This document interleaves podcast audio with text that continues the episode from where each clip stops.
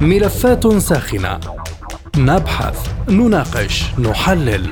نتابع التفاصيل اولا بأول. ملفات ساخنة. برنامج يلقي الضوء على كل الملفات مع باقة من أبرز المحللين والمسؤولين.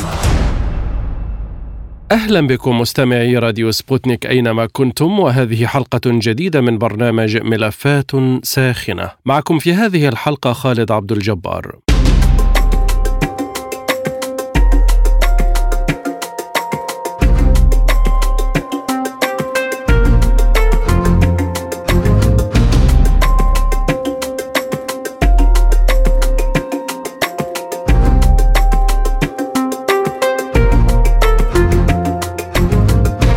تبنى البرلمان الأوروبي بالأغلبية الأربعاء قرارا يدعو دول الاتحاد إلى إدراج الحرس الثوري الإيراني على قائمة التنظيمات الإرهابية، يأتي هذا في إطار تبني البرلمان للتقرير السنوي بشأن السياسة الخارجية الأوروبية، وتم اعتماد التعديل الذي قدمته مجموعة المحافظين والإصلاحيين الأوروبيين المعروفة باسم ECR بأغلبية كبيرة والذي يدعو إلى إدراج الحرس الثوري الإيراني في قائمة المنظمات الإرهابية. ودعا هذا التعديل الاتحاد الأوروبي ودوله الأعضاء إلى إدراج الحرس الثوري الإيراني على قائمة الاتحاد الأوروبي للمنظمات الإرهابية بسبب نشاطه الإرهابي وقمع المحتجين وتزويد روسيا بطائرات مسيرة وفق ما ذكر خاومي دوش مدير الاتصال في البرلمان الأوروبي في تصريحات صحفية. ويفترض أن يعيد النواب الأوروبيون اليوم الخميس تأكيد هذا المطلب في تصويت على تقرير مكرس فقط للرد الأوروبي على التظاهرات وعمليات الإعدام في إيران.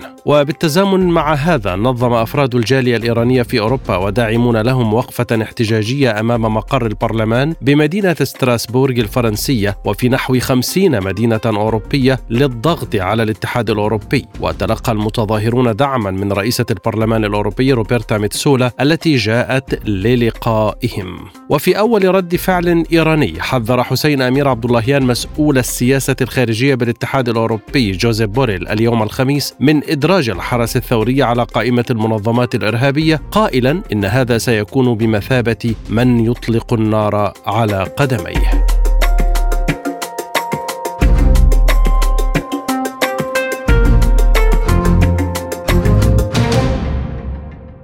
أرحب بضيوف هذه الحلقة من برنامج ملفات ساخنة. من بروكسل ينضم إلينا رمضان أبو جزر مدير مركز بروكسل للأبحاث ومن طهران ينضم إلينا محمد غروي الكاتب الصحفي الإيراني. ومن القاهرة ينضم إلينا الدكتور محمد محسن أبو النور رئيس المنتدى العربي لتحليل السياسات الإيرانية. مرحبا بكم جميعا ضيوف الأعزاء وأبدأ معك أستاذ رمضان أبو جزر من بروكسل وأسألك عن السياق الذي جاء فيه هذا القرار بإدراج الحرس الثوري الدوري ككل على قائمة التنظيمات الإرهابية؟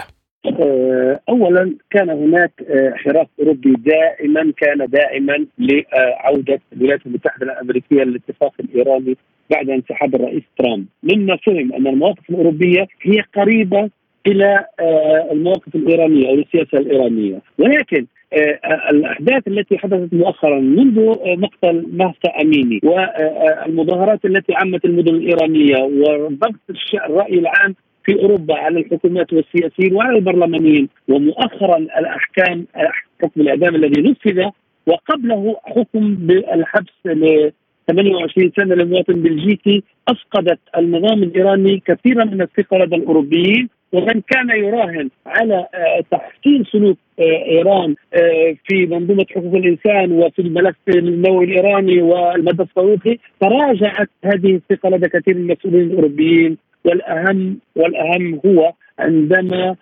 راهن جوزيف بوريل على المبادرة التي قام بها لإعادة الولايات المتحدة وفق شروط معينة قبلتها إيران وثم تراجعت عنها في فيينا. لكن الأخطر الذي جعل هذا القرار ما أصبح قابلا للتنفيذ اوروبيا هو الاتهامات المباشرة للاتحاد الأوروبي لإيران بتزويد روسيا بأسلحة سواء طائرات بدون طيار أو حتى صواريخ إيرانية تم استعمالها في أوكرانيا، أعتقد أن هذا هو المحرك الحقيقي لاتخاذ مثل هذا القرار بالذهاب إلى التصويت اليوم لتصويت الحرس الثوري الايراني على قوائم الارهاب الاوروبيه. أفهم من هذا أنك تؤيد تداخل الملفات وأن العملية العسكرية الروسية الخاصة في أوكرانيا تتداخل مع ما يحدث. أعتقد أن هذا هو المحرك الأكبر لهذا القرار، أوروبا تجاوزت كثيرا سابق عن تجاوزات إيران وكانت تقفز على آه، المنظومة الحقوقية السيئة في إيران وكانت تتغاضى أيضا عن سلوك إيران السيء في المنطقة من دعم الميليشيات في زعزعة أمن آه، المنافذ المائيه في الخليج ولكن لم تستطع أوروبا أن تغفر لإيران دعمها بالسلاح إلى روسيا بهذا السلاح الذي استخدم في أوكرانيا وكان هذا تحذيرا واضحا علنيا على لسان المسؤولين الأوروبيين وتكرر عدة مرات. كانت نتاج ذلك أنه أصبحت هناك أصوات عالية تنادي بتصنيف آه، الحرس الثوري الإيراني وليس ذلك فقط. تنادي أيضا بإعادة النظر في آه، آه، الاتفاق النووي الإيراني من وجهة نظر أوروبية. أي يمكن للأوروبيين أن يذهبوا أبعد من ذلك اليوم تصنيف الحرس الثوري الإيراني على قوائم الإرهاب يمكن في الأسابيع القادمة أن تأتي أصوات للمطالبه بانسحاب الاتحاد الأوروبي من هذا الاتفاق وترك إيران أمام مصيرها أمام الولايات المتحدة الأمريكية أو القوى التي لن تسمح لإيران بامتلاك السلاح النووي. أستاذ رمضان ما الجديد في هذا القرار؟ معروف أن الحرس الثوري أو أعضاء منه اوروبيا مصنفون على قائمه الإرهاب. ما الخطير وليس الجديد، الخطير في هذا الأمر أن إيران لن تقبل ولن تغفر ولن تتعامل بسهولة مع هذا القرار لأنه يعتبر هو تصنيف للحكومه الإيرانية ككل، معظم مسؤولي الحرس الثوري الإيراني سواء هم أو أسرهم هم شركاء في هذا النظام الحكومي الرسمي، أه وتعتبر إيران أن الحرس الثوري الإيراني عبارة عن حكومة موازية. لها موازنة لها وزارة مالية لها نشاطات تجارية اقتصادية. وليس القضية تتعلق بأفراد أو كيانات. هنا يتم تصنيف كل من له علاقة بالحرس الثوري الإيراني. إذا هو تصنيف للنظام الإيراني ككل بأنه أصبح مستهدفا بالعقوبات الأوروبية. أن نتحدث هنا عن العقوبات الأوروبية غير العقوبات الأمريكية. إذا تزاوجت العقوبات الأوروبية مع مع الأمريكية فهذه كارثة كبرى على الحرس الثوري الإيراني ومؤسساته الاقتصاديه بالذات. لن يصبح لها مجالا للمناورة والنفاذ لبعض العمليات. كما نعلم أن الاتحاد الأوروبي غض النظر أو سمح على ما يقارب 3000 شركة أوروبية متوسطة أو صغيرة آه، آه، آه، الحجم للعمل في إيران بعيدا عن العقوبات. وكانت هذه تشكل منفذا ومتنفسا للاقتصاد الإيراني بعد انسحاب الرئيس ترامب من الاتفاق النووي. ولكن آه، اليوم عند تصنيف الحرس الثوري الإيراني آه، بصفة رسمية آه، ووضعه على قوائم الارهاب الأوروبية له آثار كبيرة كارثية على الاقتصاد الإيراني على الوضع السياسي الإيراني وسوف يؤثر بشكل سريع اذا ما قارناه بتعود إيران على العقوبات الأمريكية ولكنها لم تتعود يوما على عقوبات مشتركة. طيب اجرائيا هنا أستاذ رمضان ما الذي حدث أمس الأربعاء وما الذي سيحدث اليوم الخميس من تصويت؟ ما حدث يوم الاثنين ابتدأ بعملية العرض وكانت هناك توافق بين الكتل التسعة المشكلة لرؤساء الكتل البرلمانية التسعه في البرلمان الأوروبي. يوم الثلاثاء كان عملية ال ال ال ال ال الحوار مع رئيس آه، جوزيف بوريل مفوض السياسة الخارجية وكان الحوار بينه وبين آه، رئاسة البرلمان ورئاسة الأحزاب وقد تم تمرير القرار بالأمس تم التوافق على صياغة البنود ومن وهي بنود عديدة أهمها تصنيف الحرس الثوري الإيراني. آه، اليوم التصويت، اليوم سوف يكون التصويت على الساعة الثانية عشر بتوقيت بروكسل. اذا الإجراءات تم آه، تمت خلال هذا الأسبوع على مراحل، أهم مرحلة فيها كانت الجلسة التشاورية مع جوزيف بوريل بحكم أنه يمثل السياسة الخارجية الأوروبية والبرلمان كما يعلم الجميع هي صفة تشريعية آه، سلطاتها فقط تقوم بالتوصية ومن ينفذ هذا القرار هو حكومة أوروبا الممثلة ب آه، آه، آه، جوزيف بوريل وأرسولا فون تم تمرير القرار بعد خطاب أرسولا فون لاين بالأمس بأنها سوف تدعم تصنيف إيران الحرس الثوري الإيراني من قوائم الإرهاب الأوروبية. إذا انتهى الحديث تم التشاور توافقت الرئاسة الثلاثة البرلمان المفوضية المجلس إذا القرار اليوم من آه للتصويت وبعد التصويت سوف يتم عرض ما هي الجوانب التي سوف يتم التعامل معها بشكل مختلف مع إيران عما كانت عليه قبل التصويت. البعض يربط هذه الخطوة بإعدام طهران للبريطاني من أصل إيراني علي أكبري، هل تؤيد ذلك؟ لا أعتقد لأن هذا البرنامج حسب معلوماتنا آه، بأنه كان يتدارس قبل تنفيذ الإعلان بأيام بأسابيع. في 8 ديسمبر الماضي بالتحديد كان هناك مؤتمر في البرلمان الأوروبي يدرس سلوك إيران وتعاطيهم مع ملف حقوق الإنسان ومع دعم روسيا بأسلحة طائرات بدون طيار وصواريخ، اذا الملف كان يتحرك بشكل وبوتيرة سريعة هذه في في في بدايات ديسمبر إلى أن وصل عملية الإعدام حصلت الأسبوع الماضي أي كان الأمر يتم الإعداد إليه بشكل أكبر وبشكل رسمي قبل أن يتم قبل تنفيذ هذا الإعدام بأكثر من شهر. يلفت النظر هنا أستاذ رمضان أبو جزر أن البرلمان الأوروبي طالب أيضا بإدراج المرشد الإيراني والرئيس الإيراني وإدراج جميع نواب البرلمان في قوائم العقوبات الأوروبية، أليس في ذلك مبالغة في رد الفعل؟ هذا أحد أساليب الضغط آه، عالي المستوى هذا الضغط على المستوى لوضع إيران في آه، آه، وضعية تسمح للمفاوض الأوروبي أن يحسن ظروفه ان عادت المفاوضات بين الطرف الأوروبي والإيراني عبر جوزيف بوريل ولكن الطلبات كثيرة جدا. نتفهم الغضب الأوروبي جراء تنفيذ إيران للإعدام. اختطاف بالنسبة للأوروبيين يسمون اختطاف بعض السواح الأوروبيين واتهامهم بالتجسس. للمقايضة الدول الأوروبية بإطلاق سراح بعض الضباط الإيرانيين المعتقلين في السجون الأوروبية. هذا أثار غضب الأوروبيين مما أعلى من سقف آه، آه، المطالبات آه، ضد النظام الإيراني ككل كرموز كبرلمانيين وحتى كخبينائي ولكن الأهم الذي سوف يصوت عليه البرلمان هو تصنيف الحرس الثوري الإيراني وهو ما يهم إيران. وهو ما يهم أيضا الولايات المتحدة التي كانت تطالب الأوروبيين بذلك منذ سنوات. طيب ما الذي يريده الأوروبيون هنا من إيران إذا افترضنا أن مقايضة ما ستحدث أو مباحثات ومفاوضات ما من الممكن أن تنعقد بين الجانبين؟ إذا ما قرأنا آه، تصريحات الروسية بالأمس بأن هذه الحرب سوف تكون طويلة وطويلة جدا والغرب يؤكد خاصة رئيس أمين العام حزب الناتو في عده لقاءات بأن هذه الحرب طويلة فإن هذه الضغوطات على إيران آه، تندرج من وجهة نظري بانها أحد الأساليب لردع إيران أو منع إيران من الاستمرار في تقديم العون إلى روسيا أو لإجبار إيران لفتح قنوات تفاوضية أيضا منعها من تقديم المساعدات أو لمنع إيران من القيام بتشكيل حلف عسكري مع روسيا مستقبلا، هذا ما يزعج الأوروبيين، وبالمقابل ماذا ستقدم أوروبا إلى إيران؟ كانت الوعود واضحة في شهر يوليو الماضي عبر جوزيف بوريل بأنه قام بتحضير بإعداد وثيقة وافق عليها الإيرانيون ومستقبليا يمكن رفع العقوبات الأمريكية تدريجيا وليس كما يطلب الامريكيين فورا وبعيدا عن الضمانات التي طلبها الإيرانيين لأن بعضها لم يكن ممكنا في آه، يمكن آه، إعطاء الوعود به ولكن الأوروبيون الآن مهتمون بوضع إيران الداعم عسكريا لروسيا في حربها ضد أوكرانيا أكثر بكثير من آه، سلوك إيران المزعزع للأمن والاستقرار في منطقة الخليج أكثر بكثير من انتهاكات إيران في مجال حقوق الإنسان وقتل الأطفال والإعدامات خارج القانون وأكثر من العمل الاستخباراتي الإيراني الذي تقوم به إيران ضد المعارضين في معظم الدول الأوروبية من اغتيالات ومحاولات اختطاف، ال- الذي يهم الأوروبيين الآن هو ضبط سلوك إيران ومنعها في الاستمرار بتزويد روسيا بالأسلحة ومنعها من التفكير بتشكيل حلف عسكري مع روسيا. وأعتقد أن هذا هو المحرك الحقيقي لهذا التصويت.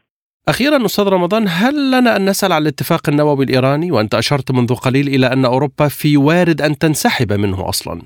الاتفاق بدون الولايات المتحدة الأمريكية لا قيمة له، وكل ما كانت تقوم به أوروبا بناء على طلب إيران، إيران هي التي طلبت الاتحاد الأوروبي أن يضغط على الولايات المتحدة الأمريكية لإعادتها لهذا الاتفاق، وهذا ما لا يعلن ما لا يعلنه المسؤولين الإيرانيين، إيران هي التي كانت بحاجة لعودة الولايات المتحدة الأمريكية لهذا الاتفاق لأن الولايات المتحدة هي الجسم الأكبر وهي التي تمارس العقوبات وهي التي تمنع حتى الدول الأوروبية وغيرها من آه، آه، آه، التعامل الاقتصادي وعقد الصفقات مع إيران لأن العقوبات الإيرانية دائما يمكن أن تصيب حتى الشركات الأوروبية إذا ما تعاملت مع نظام يخضع لنظام العقوبات الأمريكية.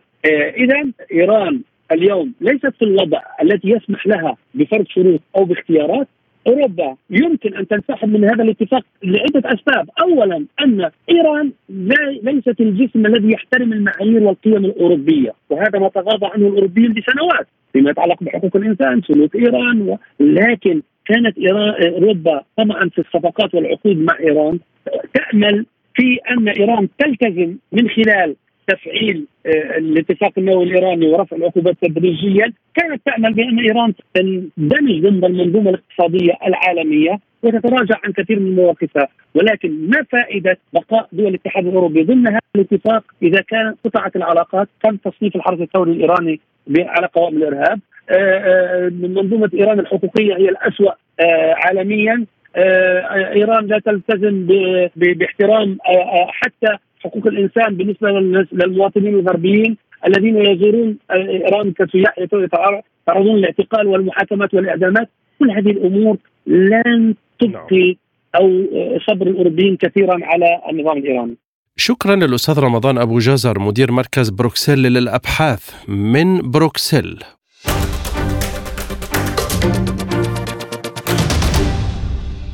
وأتحول إلى طهران وأرحب منها بالأستاذ محمد غروي الكاتب الصحفي الإيراني أستاذ محمد كيف تلقى طهران هذا القرار من قبل البرلمان الأوروبي؟ لا شك بأن طهران آه، كانت تعرف نوايا الغرب تجاهه خاصة عندما بدأت أحداث آه، ما بات يسمى أحداث آه، المرأة أو حقوق المرأة أو مهسا أميني سمها ما شئت. كان القادة في إيران يعرفون بأن هناك موجة غربية بأن هناك قرارا غربيا باستهداف إيران وزيادة الضغط على إيران وما إلى هنالك. وهذا ما جرى بالفعل من خلال ما شاهدناه بالأمس في البرلمان الأوروبي وما سيستكمل اليوم آه، في التصويت على هذا القرار، أنا أتصور بأن هكذا قرارات هي ليست قرارات لها آه، فعل على الأرض، إنما هي قرارات لها أبعاد سياسية، لها أبعاد كإيصال رسائل حزم للطرف الإيراني آه، وما إلى هنالك، لكن في الواقع هذا لا يعيق عمل الحرس بشكل عام، هم إذا ما أرادوا وضع هكذا عقوبات لكي يعيقوا التقدم الإيراني أو تقدم الحرس في المجال العسكري أو ما إلى هنالك أو حتى في ملفات لها علاقة بالمنطقة وتحالفات إيران مع دول المنطقة. اتصور بأن هكذا قرارات سيزيد من إصرار الحرس والقيادة في إيران لزيادة التعاون مع محور المقاومة وتوسع هذا التعاون إلى أن يصل إلى مبتغاه، إذا كان الغرب يريد من خلال هكذا قرارات أن آه، يصر على الإيرانيين لكي يتنازلوا سواء على طاولة المفاوضات أو غيرها من الأمور فهذا سيكون له ردة فعل سلبية وردة فعل عكسية سواء من القيادة في إيران أو الشعب في إيران طيب أتوقف معك عند أول رد فعل إيراني اليوم وهو تحذير حسين أمير عبد اللهيان من هذا القرار وقال نصا إن هذا سيكون بمثابة من يطلق النار على قدميه كيف يمكن أن نفهم هذا التصريح؟ اتصور بأن هكذا تصريح آه، له ما له عليه ما عليه. بمعنى أن ما أنت حينما تأتي وتضع دولة آه، إقليمية كبيرة بمستوى إيران آه، في هكذا صدد وفي هكذا مكان لا شك بأن أيضا إيران لها الحق في أن تتعاطى بالمثل مع الدول الأوروبية وخاصة أن لدى الدول الأوروبية الآن أزمة طاقة وهذه الطاقة هي بمجملها أو ب 60% منها تمر عبر آه، قنوات لها علاقة بحرس الثورة. ونحن نعرف بأن واحدة من هذه الأمور أن مضيق هرمز هو تحت الإشراف العسكري لحرس الثورة في هذا الإطار. ومجمل البواخر ومجمل الطاقة التي تمر من تلك المنطقة هي تستهدف الأسواق الأوروبية في هذا الإطار. لذلك يستطيع الإيراني أن يعني يضغط مزيدا من الضغوط على الأوروبيين إذا ما أراد أن يذهب بعيدا في الصراع. لكن أتصور بأن الحكمة الإيرانية والعقلانية الإيرانية آه، تدع مجالا للتفاوض وتدع مجالا للعقلانية آه، لكي يتراجع الأوروبيون عن هكذا قرارات. وهذا ما كنا شاهدناه سابقا بأن هؤلاء والأوروبيين ما بعد الاتفاق النووي وحين حصل الاتفاق النووي تراجعوا عن كثير من العقوبات ضد إيران وغيروا من مسلكياتهم لكن الآن يبدو أنهم يريدون إضافة أوراق آه، رابحة لكي ما بعد يعني إذا ما ارادوا التفاوض مع إيران يكون لهم هكذا أوراق، لن يذهب الإيراني بعيدا في الرد على هكذا قرارات لا تؤثر عمليا بالواقع الاقتصادي الإيراني ولا بالواقع السياسي الإيراني، إنما الإيراني يعد للعشرة عادة آه، قبل أن يتصرف آه، تصرفا متهورا كالذي تصرفته الإدارة الأوروبية والغربية. طيب ما هي خيارات إيران أستاذ غروي إذا أنفذ بالفعل هذا القرار اليوم وصوت عليه وأنت ذكرت أو أشرت إلى ملف الطاقة؟ اتصور بأن لدى إيران الكثير من الخيارات وهي دائما تهدد بها ولا تعمل بها. وللأسف الشديد هناك فئة كبيرة من الإيرانيين باتوا يقولون بأن آه، الآن بات وقت الرد لأن هكذا صفعة هي ليس فقط صفعة سياسية إنما هي صفعة معنوية للشعب الإيراني بما آه، تتمثل أو يمثله الحرس في الداخل الإيراني كما قلت من قدسية، لذلك هناك العديد من الآراء في الداخل الإيراني بما فيها هناك اصوات بدأت تخرج من يعني منذ يوم أمس بان على مجلس الأمن القومي أن يجتمع ويخرج من معاهدة ال NPT أو أن آه، تعلن إيران خروجها من الاتفاق النووي أو أن تتجمد المفاوضات التي تجري في فيينا وإلى آخره، أنا أتصور أمام إيران الكثير من الأوراق يمكن أن تلعبها لكن آه، آه، بتاريخ إيران وبحنكة إيران وبسياسة الايرانيه العقلانية أتصور بأن الايراني سيعطي مجالا ويعطي وقتا لمراجعة الأوروبيين هكذا قرارات لأن هذا القرار هو يضر بالمصلحة الاقتصادية الأوروبية خاصة في هذا الوقت تحديدا أكثر من أنه يضر بالمصلحة الإيرانية والاقتصاد الإيراني. أستاذ غروي جاء في بيان البرلمان الأوروبي أن من أسباب تبني هذا القرار تزويد إيران لروسيا بمسيرات في العملية العسكرية الخاصة في أوكرانيا، هل أنت مع تداخل الملفات على هذا النحو الذي يصوره الأوروبيون؟ واضح بأن الأوروبيين والأمريكيين أرادوا زج اسم إيران في الصراع آه، وهذا من ديدنهم آه، أينما وجدت الخسائر والهزائم العسكرية للغرب سواء الذي حصل في سوريا أو العراق أو اليمن أو ما إلى هنالك مباشرة نرى بأن آه، يتم زج إيران واسم إيران في هذه المعمعة. ولا آه، شك بأن زج آه، اسم إيران يعني بأن إيران باتت دولة فاعلة ودولة لها تأثيرها حتى على الصعيد العالمي أو الصعيد العالم يعني الحروب العالمية التي تحصل الآن. أتصور بأن أيضا هم يريدون أن يجنوا جنيا سياسيا من خلال ما جرى لإعطاء بعض المعنويات للأوروبيين ولأوكرانيا تحديدا بان ها هنا نحن أوروبا استطعنا أن أن ننتصر انتصارا رمزيا على دولة على دولة مؤثرة كان لها تأثير يعني هم يقولون تأثير سلبي على الحرب الأوكرانية الروسية في هذا الإطار. شكرا لك أستاذ محمد غروي الكاتب الصحفي الإيراني من طهران.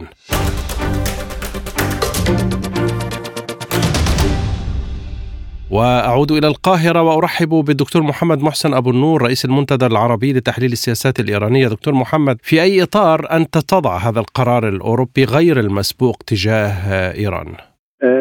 طبعا يمكن وضع هذا الإجراء الأوروبي في إطار آه، الرد آه، على إيران بعد إعدام علي أكبر علي أكبري وزير نائب نائب وزير الدفاع الإيراني الذي تم إعدامه بتهمة التخابر مع بريطانيا. لا سيما وأن التمديد الأوروبي هذه المرة كان واسعا جدا وتم استدعاء ممثلي إيران وسفراء إيران في كل العواصم المركزية الأوروبية ما يعني أن أوروبا كانت تجهز لقرار مبدئي ضخم. طبعا هذا قرار طبعا آه، سيترتب عليه أمور كثيرة جدا منها مثلا عدم وجود ممثلين للحرس الثوري في أي سفارة في أوروبا في أي منظمة في أوروبا آه، حظر التعامل مع هذه المؤسسة تماما ماليا لا سيما وأن هذه المؤسسة أصول وحسابات في بنوك أوروبية ولها شركات لها حسابات وأصول في بنوك أوروبية منها شركة ماهان إير على سبيل المثال منها آه، مقر خاتم الأنبياء على سبيل المثال. إلى جانب طبعا مئات الشركات والأفراد الذين لهم تعامل تعاملات وحسابات مع البنوك آه، الأوروبية وبالتالي هذا القرار سوف ينعكس انعكاسا سلبيا جدا جدا على العلاقات الإيرانية آه، الأوروبية وأعتقد أنه قد يدخل آه، في إطار بنود أي تفاوض أوروبي إيراني محتمل على الاتفاق النووي. بمعنى أن إيران لن تسمح بأن يكون هذه المرة الاتفاق تقنيا فقط لكنها سوف تصر على أن يكون تقنيا وبه بنود تتعلق بالعقوبات وعلى رأس ذلك العقوبات التي سوف توضع على هذه آه، المؤسسه. لكن حتى يكون المستمع معنا في الصورة دكتور محمد ما الجديد في هذا القرار فيما يتعلق بالحرس الثوري الإيراني أو موقف أوروبا من الحرس الثوري؟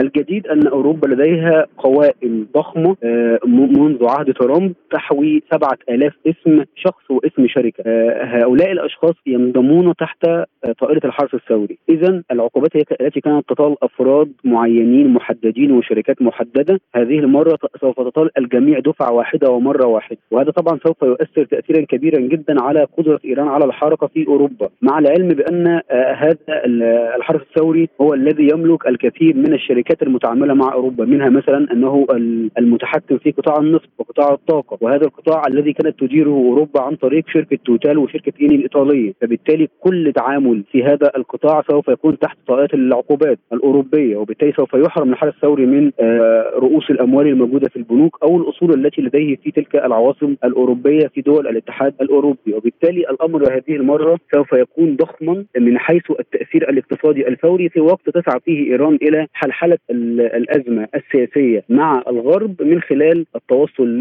لتسوية ما فيما يتعلق بالاتفاق النووي حتى بعد أن فشل آه، جوزيف بوريل يعني منسق السياسة الخارجية آه، الأوروبية في إيجاد صيغة تفاهم تجمع ما بين الأمريكان والأوروبيين بعد أن كانت أوروبا هي الوسيطة في هذا التفاهم، الآن أوروبا لم تعد وسيطة بل أصبحت لاعبا ينضم إلى اللاعب الأمريكي فيما يتعلق بتوقيع العقوبات على إيران. وأنت كيف تتصور الرد الإيراني هنا؟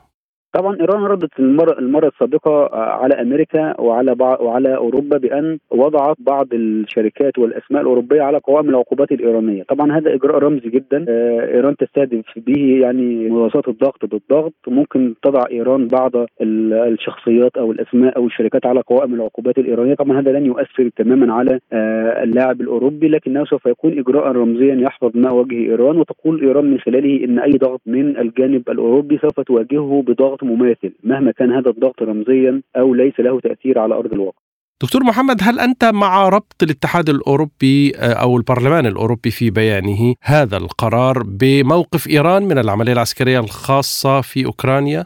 طبعا الملفات هنا متشابكة جدا جدا وأكثر الأمور التي ضايقت الأوروبيين أن إيران انخرطت في تلك الأزمة وأعطت لروسيا تكنولوجيا تتعلق بالطائرات المسيرة وأيضا بعض صواريخ الكروز وهذا يجعل من إيران طرفا في الحرب طرفا مباشرا في الحرب. اذا إيران التي قالت إنها محايدة وإنها تسعى لوقف الحرب وما إلى ذلك وهذه تصريحات كلامية بالمواقف على أرض الواقع إيران آه، تفعل العكس عكس ذلك وهي الآن أصبحت طرفا في المسألة آه، العسكرية. إلى جانب أمر آخر وهو مهم جدا أن إيران واصلت ليس فقط إمداد روسيا بالمسيرات لكنها وصلت تدشين مصانع للمسيرات خارج إيران. على سبيل المثال إيران اتفقت مع طاجكستان على إنشاء مصنع للطائرات المسيرة بجهود إيرانية وبأموال إيرانية وبخبرات إيرانية في طاجكستان ومن ثم تنتقل هذه الطائرات إلى روسيا وهكذا. فاذا الوضع يعني يشير إلى أن الأوروبيين في قمة الامتعاض من اللاعب الإيراني ومن سلوك اللاعب الإيراني في ظل مفاوضات مفاوضات شبه متجمدة منذ أكثر من عام.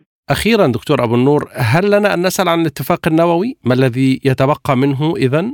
طبعا لا يتبقى شيء. كده الاتفاق تقريبا مات آه، كلينيكيا تماما. يعني لم يتبقى فقط إلا الإعلان عن آه، هذا الموت لأن الثقة أصبحت مفقودة تماما والملفات الأمنية أصبحت أكثر بكثير من الملفات السياسية والدبلوماسية والتقنية في هذا الملف. والتعقيد هذه الملفات في ظل الحرب الروسية الأوكرانية وفي ظل آه، إصرار إيران على إعدام الشخصيات الحاصلة على جنسيات أوروبية بما يخالف طبعا القوانين الأوروبية وبما يخالف سمعة هذه الدول الدول لدى مواطنيها ولدى حاملي جنسيتها. كل هذا يشير إلى أن إيران تعقد المسألة وأن آه، هذا التعقيد وصل إلى منتهاه وأن هذا الاتفاق أصبح في حكم الميت تماما. شكرا لك دكتور محمد محسن أبو النور رئيس المنتدى العربي لتحليل السياسات الإيرانية من القاهرة. وشكرا لكم مستمعينا الكرام. للمزيد زوروا سبوتنيك dot AE. إلى اللقاء. مستمعينا بهذا نصل وإياكم إلى نهاية هذه الحلقة من برنامج ملفات ساخنة. طابت أوقاتكم وإلى اللقاء.